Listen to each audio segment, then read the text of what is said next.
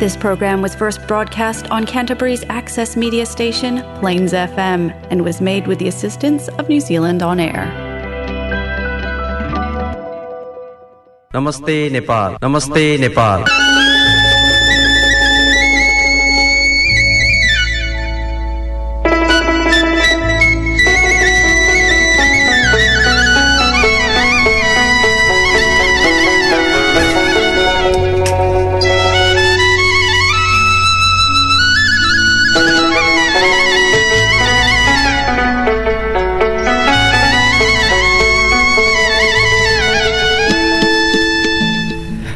नमस्कार। Plains FM ninety six point nine मेगाजमा यो हो क्राइसिसवासी नेपालीहरूको आफ्नै कार्यक्रम कार्यक्रम नमस्ते Nepal.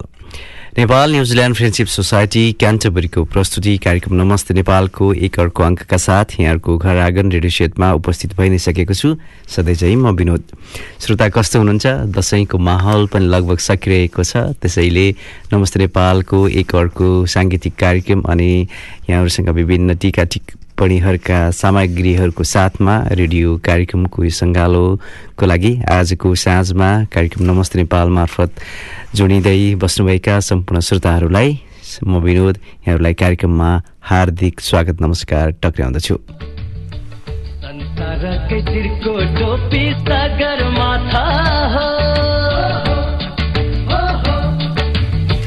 यही टोपीको तेरो फेरो हाम्रो गाथा हो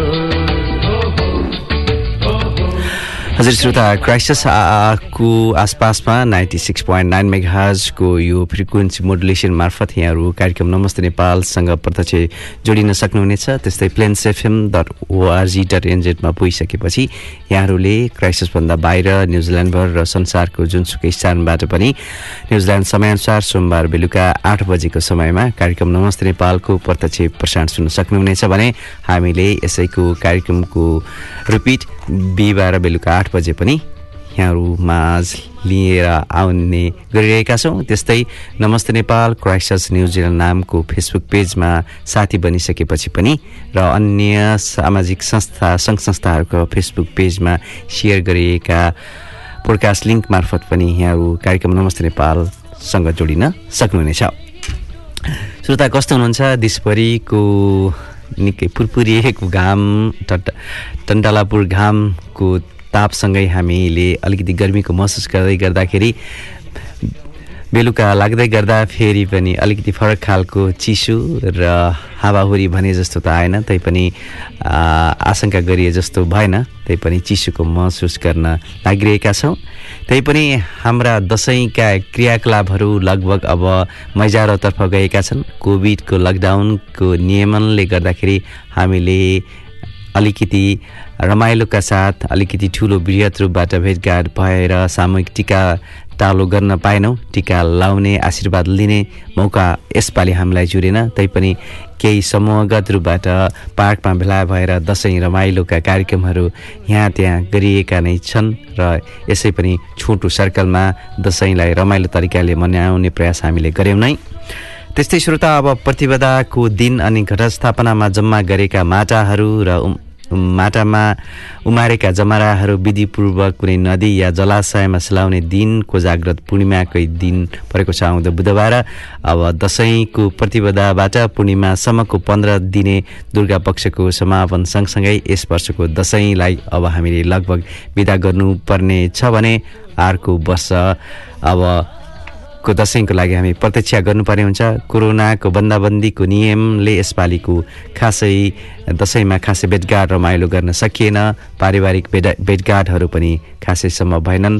त्यही पनि हामी जस्तै अलिकति देश आफ्नो परिवारदेखि अलिकति टाढा मातृभूमिदेखि टाढा रहेकाहरू सायद अर्को वर्ष दसैँमा आफ्नै घर परिवार आमा बुवाको हातबाट टिका र आशीर्वाद अनि पहेँलो जमरा ग्रहणको लागि कतै हामी घर पुग्ने अभिलाषा लिइरहेका छौँ। हेरौँ समयले कस्तो फेरोमा लगेर हामीलाई लैजान्छ। अब त्यो भने समयकै गर्वको कुरा भयो। श्रोता अब जहाँसम्ममा यो कोभिडको कुरा हो कोभिडमा अहिले लगभग अकल्यान्डको पनि अझै पनि लेभल थ्रीकै अवस्था छ त्यहाँको तोकिएको क्षेत्रमा।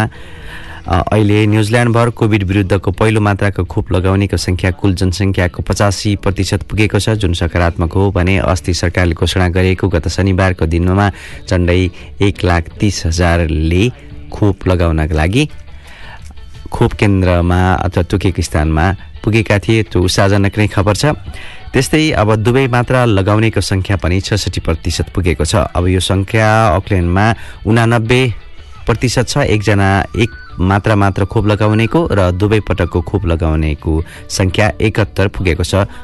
यो चाहिँ अकल्यान्डको कुरा भयो। त्यस्तै क्राइस्टसमा भने दुवै खोप लगाउनेहरूको सङ्ख्या अझै पनि पचासकै कै अङ्कको हाराहारीमा रहेको छ पचपन्न प्रतिशतको हाराहारीमा पुगेको छ।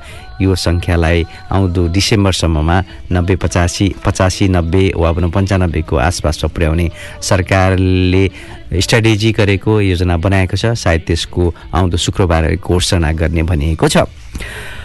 अब त्यस्तै गर्विलो कुरा हो। सधैँ हामीले चाहेको कुराहरू हुँदैन। तैपनि हामीले त्यो त्यो गन्तव्यमा पुगेका हाम्रा कदमहरू गौरव तरिकाले पुगेका थिएन थिए र त्यसै हिसाबले पनि हामीले ती कुराहरूलाई अलिकति गर्विलो रूपबाट प्रस्तुत गर्ने गर्दछौँ। अठाइस वर्षपछि पहिलोपटक साफ च्याम्पियनसिपको फाइनलमा पुगेको नेपाली टोली भारतसँग तिन शून्यले पराजित भए पछि उपविजेताको रूपबाट स्वदेश फर्किएको छ भने फर्किएका खेलाडीहरूलाई भव्यताका साथ स्वागत पनि गरिएको छ। अर्कोतर्फ प्रशिक्षक अल मुताइरी भने मालदिप्सबाट कुवेत फर्केका छन्। साफ च्याम्पियनसिप चलिरहँदा नै अल मुताइरीले भारतसँगको फाइनल खेल्नै आफ्नो नेपाली टोलीसँगको अन्तिम प्रतियोगिता भएको बताएका थिए। यसरी खेलले पनि भावनात्मक रूपबाट सबैलाई जोडेको हुन्छ। हुन त प्रशिक्षक अल मुताइरीको गमनलाई के कसो रूपबाट हेर्ने हो त्यसका टिप्पणीहरू पनि अर्कै ठाउँमा छन्। तैपनि उनीले पहिलोपटक हो भनौँ अठाइस वर्षमा नै पहिलोपटक साफ च्याम्पियनसिपमा नेपाललाई पुर्याउन उनले दिएको योगदानको भने हामीले मुक्त कण्ठले नै त्यसलाई स्वागत गर्नुपर्दछ। अब अहिले बाँकेबाट नेपालगञ्ज नेपालगञ्जबाट काठमाडौँमा भित्रिएको एउटा न्यायको खोजीको प्रसङ्ग पनि छ। हुन त अहिले अब त्यसको छोटो प्रसङ्ग म यहाँहरूलाई प्रस्तुत गरे नै छु तर त्योभन्दा अगाडि नै भने आजको कार्यक्रमलाई एउटा रमाइलो गीत प्रस्तुत गरेर अलिकति साङ्गीतिक बनाउने कोसिस गरिरहेको छु। रम रम रमौटी मन मरौटीको यो गीत आएको छ। खेम सेन्चुरी र अस्मिता अधिकारीको यो आवाजमा रहेको गीत छ भने यसका शब्दहरू नेत्र अर्याल र सङ्गीत भने खेम सेन्चुरीले नै दिएका छन्। आउनु श्रोता रम रम मरौटी बोलको यो गीत यहाँहरूको लागि प्रस्तुत गर्दैछु। अहिले नै भने। पश्चिम उत्तर दक्षिण घुमे चारै दिशा पूर्व पश्चिम उत्तर दक्षिण घुमे चारै दिशा। तिम्रो अघि ठिक्का लाग्यो मलाई मोनालिसा। रम रम मारौटी। रम रम मारौटी। तिम्रो रूपै करौती तिम्रो रूपै करौती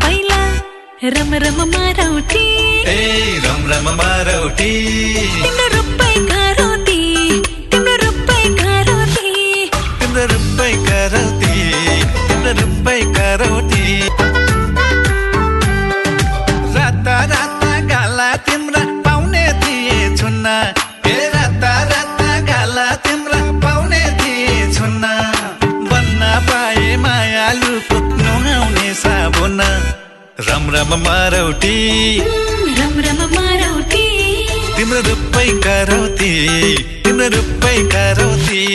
तिम्रो रूपै करौती तिम्रो रूपै करौती। आहा। साबुन बन्न नखोज भो छँदै छौ नि हिरा। साबुन बन्न नखोज भो छँदै छौ नि हिरा। यसै पनि पारेको छौ मोटो छिरा छिरा रम रम मारौटी ए रम रम मारौटी तिम्रो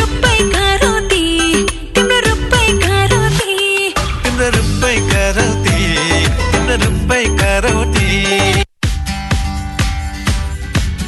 टेक अवे कन्टेनर र कपहरू अनि रोटी पाउरोटी राख्नको लागि प्रयोगमा ल्याइने झोलाहरू घरपालुवा पशु पन्छीका खाना राख्नका लागि प्रयोगमा ल्याइने झोलाहरू साना साना काठका उठ प्यालेट राख्नका लागि प्रयोगमा ल्याइने झोलाहरू तथा फ्रिजमा राखिने साग सब्जीहरू राख्नका लागि प्रयोगमा ल्याइने झोलाहरूमा के कुरा सम्मान छन्?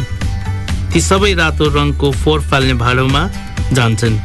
सबै नरम खाले प्लास्टिकहरू जसलाई तपाईँले आफ्नो हातले कच्याक कुचुक पार्न सक्नुहुन्छ ती सबै तपाईँको रातो बिनमा जान्छन्। तपाईँलाई हाम्रो अनुवादित bin guides CCC dot GOVT dot NZ slash bin गाइड्सबाट प्राप्त गर्न सक्नुहुन्छ। हजुर श्रोता यो सिसी काउन्सिलबाट प्राप्त यो सौजन्य सामग्री सँगसँगै यहाँहरूलाई एउटा गीत पनि प्रस्तुत गरेँ। त्योभन्दा अगाडि यो पछि कार्यक्रम नमस्ते नेपालमा फेरि पनि यहाँहरूलाई हार्दिक स्वागत गर्दछु। श्रोता हामीले न्यायको लागि काठमाडौँ वा भनौँ सिंहदरबार र शीतल निवासको वरिपरि घुम्न नपरोस् भन्ने अभिलाषा गणतन्त्र आउँदै गर्दाखेरि गरेका थियौँ। सायद ती कुराहरू हामीले सोचे जस्तो तरिकाले सम्भव भएका छैनन्। अहिले नेपालगञ्जबाट झन्डै बिस दिनको पैदल यात्रापछि काठमाडौँ आइपुगेर पनि पीडितहरूले अझै पनि न्यायभन्दा पनि उल्झनहरू झेल्न परिरहेको छ। त्यसैको यो सानो टिप्पणी अहिले यहाँहरूको लागि प्रस्तुत गर्दैछु।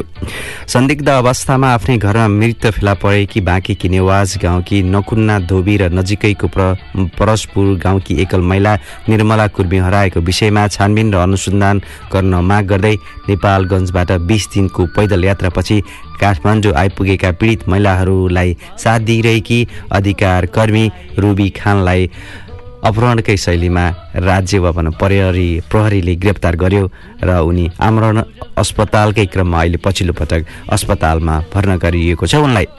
न्यायको लागि काठमाडौँ आए लगत्तै प्रहरीले खानलाई पक्राउ गरेर बहुविग बहुविवाहको मुद्दामा फसाउन खोजेको थियो। तर सर्वोच्च अदालतले रिहा गर्न आदेश दिइसकेपछि छुटेकी उनले आमरण असन अनसन भने जारी नै राखेकी थियन् यो घटनाको स्थानीय प्रहरी प्रशासनले राम्ररी छानबिन गरेन भने बाँके जिल्ला अदालतका न्यायाधीशले प्रहरीसँग मिलोमत गर्दै पक्राउ आदेश दिएको थियो। सरकारले रुबी खानको गिरफ्तारीका विषयमा सर्वोच्चलाई समेत ढाँट्ने र छल्ने गरेर विधिको शासनको अवज्ञा गरेको टिप्पणीहरू पनि सुरु भइ नै सकेको छ। बन्दी प्रत्यक्षीकरणको संवैधानिक व्यवस्थालाई नै खोक्रो साबित गर्ने क्रियाकलाप संविधानको उपहास र उल्लङ्घन दुवै हो जुन राज्य पक्षबाट पनि भयो। राज्य पक्षबाटै भयो। राज्य पक्षबाट भएको यस्तो कार्य विधिको शासन विरुद्धको षड्यन्त्र पनि हो। नागरिकको पीडा बुझेर न्याय दिलाउने जिम्मेवारी भएको सरकारले आउँदो दिनमा यस्ता गम्भीर भूलहरू दोहोऱ्याउनु त हुँदै हुँदैन भने यसको क्रममा संलग्न वा भनौँ यो अपराधको क्रममा संलग्न र संविधानको उपहास र उल्लङ्घन गर्ने क्रियामा संलग्न भएका सबै राज्यका पक्षहरू न्यायालय प्रहरी निकाय र अन्य पक्षहरूलाई पनि कारवाहीको भागीदारीमा के सरकारले उभ्याउला त। यो प्रश्न भने अहिले उठि नै रहेको छ। श्रोता यसरी न्यायको लागि पैदल यात्रा त पनि सिंहदरबारको आसपासमा हुन त हामीले सिंहदरबारको अधिकार हामीले गाउँ गाउँमा पुर्याउने भनिएको थियो। तैपनि पैदल यात्रा त पनि झन्डै एक महिनाको आसपासमा बिस दिनको पैदल यात्राले काठमाडौँ आइपुग्दा पनि पीडितहरू अझै पीडाको महसुस गर्नुपर्ने अवस्था साँच्चै नै उदेक लाग्दो नै छ। श्रोता यसरी मैले आजको कार्यक्रममा यहाँहरूलाई यो कुराहरू पनि उठाइसकेँ। दसैँको प्रसङ्ग पनि मैले यहाँहरूलाई जोडेँ नै। तैपनि अब म फेरि पनि आरोहण हिमाल आरोहण र आमा किन्जुमको यो परिवेश कथालाई पनि फेरि यहाँ जोड्ने प्रयास गरिरहेको छु। श्रोता वास्तवमा हामीले हामी न्युजिल्यान्डमा बस्दै गर्दाखेरि हाम्रा हिमाल आरोहण वा भनौँ सर इडमन हेलारी र तेन्जिङ नोर्गेको त्यो आरोहणको सफलताले नै अन्य आरोहणका अनेकिन्ती रेकर्डहरू काम कायम भइसकेका छन्। तर हिमाल आरोहण आफैमा सजिलो भन्दा पनि दर्दनाक कथा भरिएको छ। मृत्युमाथिको जित र पराजयपछि मृत्यु यस्तै दुधारमा हिमाल आरोहण गर्ने क्रम अझै नै बढी नै रहेको छ र यो स्वाभाविक यो एडभेन्चरस कौशल पनि हो भन्ने रूपबाट लिइन्छ। त्यसैको हिसाबले पनि न्युजिल्यान्ड र नेपालीहरू सगौरवताको एउटा बन्धनमा परस्परतामा बाँधिएका छन्। त्यो अर्को पाटो भयो तर म यहाँनिर भने हिमाल आरोहणसँग जोडिएको आमा किन्जुङको यो कथासँग जोडिएको यो प्रसङ्ग अहिले भने यहाँहरूको लागि प्रस्तुत गर्दैछु। श्रोता धौलागिरी हिमाल आरोहण गरेकी पहिलो महिला पूर्णिमा श्रेष्ठका अनुभवमा हिमाल आरोहण मृत्युसँगको रोमाञ्च हो। कहिलेकाहीँ हिमाल चढ्दै चढ्दै गर्दा ऋण काटेर काल किन्न आए जस्तो लाग्छ उनलाई। अनि सफलता आरोहणपछि आफैले आफैलाई सरप्राइज दिए जस्तो लाग्छ। हिमाल चढ्दा कुन पाइला र कुन श्वास अन्तिम हो भन्ने थाहा हुँदैन। हिमाल चढ्दै गर्दा फर्किन्न कि जस्तो लाग्छ तर लक्ष्य महत्त्वपूर्ण रहेछ। लक्ष्य लिइसकेपछि मृत्युको चिन्ता नहुँदो रहेछ। यो सायद सबै हिमाल आरोहीहरूको कथा व्यथा होला भनिन्छ। हिमाल टाढादेखि हेर्दा मात्र सुन्दर देखिने हो। नजिक पुगिसकेपछि यसको कठोरतापन थाहा हुन्छ। त्यहाँ प्रत्येक पाइलामा मृत्युसँग लड्नुपर्छ। जिते आरोही हारे मृत्यु। यो यस्तै खालको हिमाल आरोहणसँग जोडिएको कुरा हो श्रोता। अर्कोतर्फ श्रोता एउटा हिमाल चढ्न पन्ध्रदेखि बिस लाख रुपियाँ खर्च जुटाउनुपर्छ जुन सामान्य नेपालीहरूको लागि सहजको विषय हुँदै होइन। आठ हजार मिटरभन्दा अग्ला सबै हिमालहरू चढ्नुपर्छ भन्ने सोच बनाएकी पूर्णिमाको विचारमा नेपालले हिमालबाट मनज्ञ वा भनौँ बढीभन्दा बढी फाइदा लिन सक्ने अवस्थामा छ। तैपनि त्यसको सबै फाइदाहरू लिन नसकेको कि भन्ने उनको बुझाइ छ। गण्डकीमा उनको आफ्नै गाउँमा गण्डकी प्रदेशमा मात्रै आठ हजार मिटरभन्दा अग्ला तिनवटा हिमाल छ तर न हिमाल जाने बाटो छ त्यहाँ न बास नै बस्न सजिलै पाइन्छ। यो त पूर्णिमासँग जोडिएको हिमाल आरोहणको कुरा भयो। अब म आमा किन्जुमको कथालाई पनि यसै क्रममा जोड्न चाहेँ। हिमाल आरोहणका आफ्नै फरक फरक कथाहरू जोडिएका छन् ती मध्ये एक हुन् किन्जुम शेर्पा। उमेरले झन्डै सत्तरी पुगेकी किन्जुमका एघार सन्तान मध्ये आठजनाले सगरमाथा र अन्य हिमाल आरोहण गरेर विभिन्न विश्व कीर्तिमान बनाइसकेका रहेछन्। जुन भर्खरै ग्रिनिज ओल्ड रेकर्ड्समा सगरमाथा चढ्ने सबैभन्दा धेरै सिब्लिङ्स दाजुभाइ दिदीबहिनीहरूको रूपमा अङ्कित भइसकेको छ। तर पीडाका पानाहरू पनि छन् उनका कथाको कथाको माइलो सन्तान छोरा फुर्बा ठुम्बु सन् दुई हजार छमा पुमुरी हिमाल आरोहणका क्रममा हिम पहिरोमा बिलाएपछि आमा किन्जुमको परिवारले ठुलो वज्रचात वज्रपात सहेको महसुस गर्यो। छोराछोरी सर पसेर आफ्नै काममा सहर पसेर आफ्नै काममा व्यस्त भए पनि किन्जुमलाई गाउँ छोड्न मन छैन अहिले। उनलाई आफ्ना छोराछोरीले पर्वतारोहण क्षेत्रमा विश्वमान कायम गरेकोमा गर्व छ तर घमण्ड छँदै छैन। एघार सन्तान हुर्काइसकेकी आमा किन्जुम हिजो आज रो रोवालिङको ना गाउँमा सात दुहुना नाक पोथी याक र तिनका सात बाछा याक हुर्काउन व्यस्त छिन्। रोवालिङमा एउटा सिम्टामोल किन्ने औषधि पसल छैन। कोही बिरामी भयो भने लाखौँ खर्च गरेर हेलिकप्टर बोलाइ काठमाडौँ लैजानु पर्ने अवस्था छ। तरै सबै रोवालिङवासीको त्यस्तो सामर्थ्य कहाँ होला र? श्रोता यसरी अ, विकटताको अप्ठ्यारो अवस्था छ। पर्यटनको नजिक रहेका हिमाल आरोहणका पनि आफ्नै गाथा व्यथाहरू छन्। यस्तैमा पूर्णिमा श्रेष्ठको हिमाल आरोहण अनि आमा किन्जुङका यी व्यथाहरू पनि सबै आरोहीहरूको नजिक नजिकका कथाहरू हुन् जस्तो लाग्छ। यो कथालाई यहाँहरूसँग प्रस्तुत गरि नै सकेको छु। श्रोता अब हामीले विभिन्न खालका खबर सामग्रीहरू प्रस्तुत गर्ने क्रम छ। गीत सङ्गीतका कुराहरू पनि छन्। हामीले अब खेलकुदका कुराहरूलाई पनि हामीले जोड्ने क्रम गर्छौँ स्थानीय रूपबाट। कहिलेकाहीँ स्टिकहरू सम्भव पनि हुन्छन्। अब यसपालि खासै स्थानीय गतिविधिहरू यसपालि रहेनन्। त्यो बाहेक पनि विभिन्न खालका खती खेतीहरू खेतीपातीहरूका विषय पनि हुन्छन् विभिन्न खालका प्रतियोगिताहरूको आयोजना गरिएका हुन्छन्। ती आयोजनाहरूको विषयमा पनि आफ्नै खालका खबर र टिप्पणी आफ्नो झुकाव र रोजाइ हुन्छ।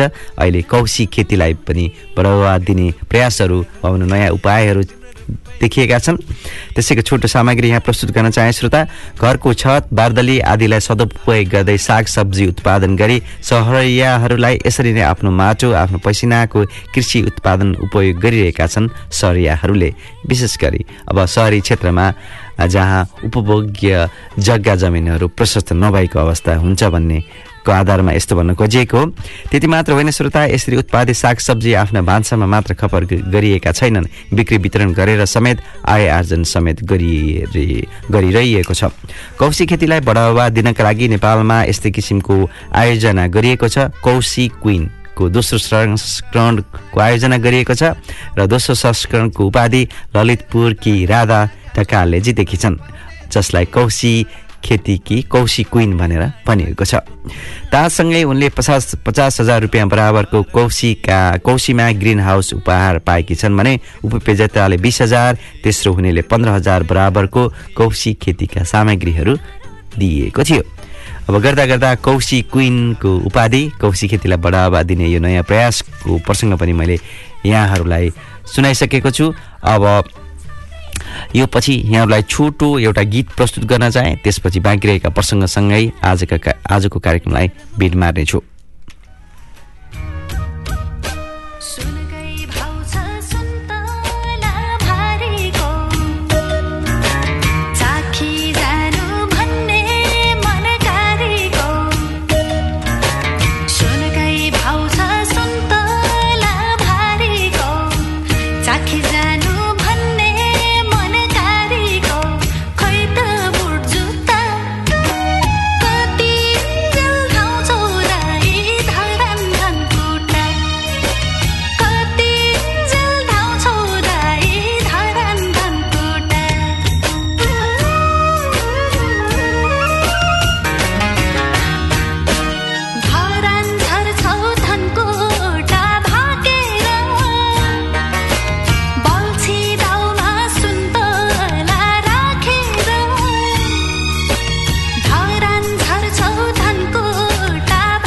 हजुर श्रोता समय अभावले गीतलाई अलिकति पछाडि ब्याकग्राउन्डमै बजाउनु पर्ने अवस्था आयो। टेकअवे कन्टेनरहरू कपहरू रोटी पाउरोटीका झोलाहरू बिस्कुटका खोलहरूमा के कुरा समान छन् ती सबै रातो रङको फोहोर फाल्ने भाँडोमा अर्थात् रातो बिनमा जान्छन्। कुनै पनि प्लास्टिक जसलाई तपाईँले आफ्नो हातमा कच्याकुचुक पार्न सक्नुहुन्छ रातो बिनमा जान्छन्। सो भन्नाले फ्रिजमा राखिएका साग सब्जीका चाउचाउका पास्ताका खोलहरू भन्ने बुझिन्छ।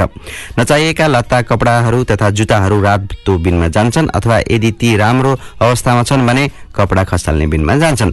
तपाईँले हरेक वस्तुका लागि सही बिन खोज्नका लागि मद्दत गर्ने अनुवादित बिन गाइड्स अनलाइन मार्फत पनि प्राप्त गर्न सक्नुहुनेछ। त्यसका लागि CCC dot GOVT dot NZ bin गाइड्सबाट पनि जानकारी प्राप्त गर्न सक्नुहुनेछ। सिसी काउन्सिलको यो सामग्रीलाई थप पुग्ने पुग्ने उद्देश्यले गरिएको यो सामग्रीको प्रस्तुतिलाई पनि मैले यहाँसँग प्रस्तुत गरि नै सकेको छु। त्यसपछि हामीले नेपाली साहित्य समाज न्युजिल्यान्डको संयोजनमा उहाँहरूको सौजन्यमा प्राप्त भएका नेपाली शब्दहरूको शब्द तात्पर्यसँग पनि यहाँहरूलाई जानकारी दिने प्रयास गर्दै आइरहेका छौँ। यसै क्रममा आज दुईवटा शब्दहरू छन्। ती शब्दहरूमा ढु ढुकुना र गुगती परेका छन्। श्रोता आउनुहोस् ढुकुनाको विषयमा जानकारी लिउँ। अरूबाट केही पाउने आशले ढुक्ने काम ढुकेसो धर्ना अरू भन्नु अब भने प्रतीक्षा गर्नु विशेष गरी यसलाई अलिकति नचाहिएको कुरामा लाभ लिनका लागि प्रतीक्षा गर्ने विषयलाई पनि ढुकनाको रूपबाट बुझिन्छ। त्यस्तै घुगती भन्नाले आफू उतानो सुतेर खुम्चाइएका दुवै खुट्टामा केटाकेटीलाई राखी उपार्दै खेलाउने कामलाई गुगुती पनि भनिन्छ जसलाई गुगुतीको रूपबाट पनि बुझिन्छ। पराल वा कपडा बिछाइएको ठाउँमा केटाकेटीले मुन्टु टेकेर परलक्क पल्टिँदै खेल्ने खेललाई पनि गुगुटी भनेर बुझिन्छ र ढुकुरलाई पनि हामीले गुगुटीको रूपबाट बुझिन्छ। यसरी ढुकुना र गुगुती शब्दका तात्पर्य नेपाली शब्दको तात्पर्य हामीलाई उपलब्ध गराइदिनु भएकोमा नेपाली साहित्य समाज न्युजिल्यान्ड र विशेष गरी संस्थाका अध्यक्ष सञ्जय शान्ति सुवेदीलाई कार्यक्रम नमस्ते नेपालको तर्फबाट धेरै धेरै धन्यवाद दिन चाहन्छु। त्यस्तै श्रोता अब कार्यक्रमको अन्तिम अन्तिम चरणमा आउँदै गर्दाखेरि अब यहाँहरूलाई भैरव टेक्नोलोजी नामको नेपाली उत्पादन वा भनौँ यो प्रयास को छोटो जानकारी जोड्न चाहे। नेपालको भैरव टेक्नोलोजी विश्वका उत्कृष्ट दुई सय पचास म्यानेज सेक्युरिटी सर्भिस प्रोभाइडर मध्ये एक सय एकाउन्न स्थानमा हटाएको छ। यस्तै कम्पनी एसियातर्फ उत्कृष्ट पन्ध्रमा हटाएको छ भने सन् दुई हजार अठारमा नेपालमा स्थापना भएको भैरव टेक्नोलोजीले स्थापना कालदेखि नै राष्ट्रिय र बहुराष्ट्रिय कम्पनीलाई उत्कृष्ट साइबर सेक्युरिटी सोल्युसन प्रदान गर्दै आइरहेको छ। र श्रोता यो भने यो पछि भने अब कार्यक्रमको लगभग अन्तिम चरणमा अब टी ट्वेन्टी वर्ल्ड कप सुरु भइ नै सकेको छ। अब देशको अहिले पछि पहिलो खेल आफ्नो पहिलो खेलमा बङ्गलादेश अप्रत्याशित रूपबाट हारेको छ। अब आफ्नो स्कटल्यान्ड स्कटल्यान्डले राम्रो उत्कृष्ट प्रदर्शन गरेको छ भन्नुपर्छ। सकिब अल हसनले टी ट्वेन्टी अन्तर्राष्ट्रिय क्रिकेटमा सबैभन्दा बढी विकेट लिने खेलाडी बने पनि बङ्गलादेश स्कटल्यान्डसँगको पहिलो खेलमा छ रनले पराजित भएको छ। पहिलो चरणमा दुई समूहमा प्रतिस्पर्धा हुने टी ट्वेन्टी अन्तर्राष्ट्रिय क्रिकेटमा समूह यस पहिलो दुई समूहका समूह विजेता र उपविजेता गरी चार टिम सुपर बाह्रमा पुग्नेछन् र समूह एकमा श्रीलङ्का आयरल्यान्ड नेदरल्यान्ड्स र नामिबियाबाट दुई टिम र समूह बीमा रहेका Bangladesh Scotland Papua New Guinea र ओमानबाट दुई टिम सुपर बाह्रमा प्रवेश गर्नेछन् सुपर बाह्र अन्तर्गत समूह एकमा इङ्ल्यान्ड अस्ट्रेलिया दक्षिण अफ्रिका वेस्ट इन्डिज र पहिलो चरणबाट आउने दुई टिम रहनेछन्। त्यस्तै समूह दुईमा भारत पाकिस्तान न्युजिल्यान्ड अफगानिस्तान र समूह बी पहिलो चरणबाट आउने दुई टिमहरू रहनेछन्। यो सँगसँगै अब टी ट्वेन्टीका खेलहरू विशेष गरी सुपर बाह्रका खेलहरू आगामी अब विकेन्डबाट सुरु हुनेछन्। शुक्रबार शनिबारबाट अब निश्चय नै आइपिएलको समाप्तिपछि अब क्रिकेटको अर्को सङ्ग्राम पनि सुन्नु अ, हामीले निश्चय नै हेर्छौँ नै। त्यसैले अब भने यी जानकारीहरूसँगै आज बेलुका आठ बजेदेखि सुरु भएको कार्यक्रम नमस्ते नेपाललाई। म यहीँ बिट मार्न चाहन्छु। दिन्छु मात्र होइन श्रोता हजुर निर्धक्काको रात होस्। दिन मात्र होइन हजुर निर्धक्कको रात होस्। सङ्कट पर्दा साथ दिने आफन्तको हात होस्।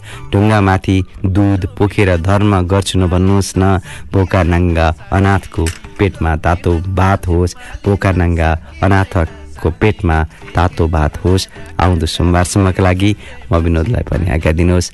नमस्कार शुभरात्री।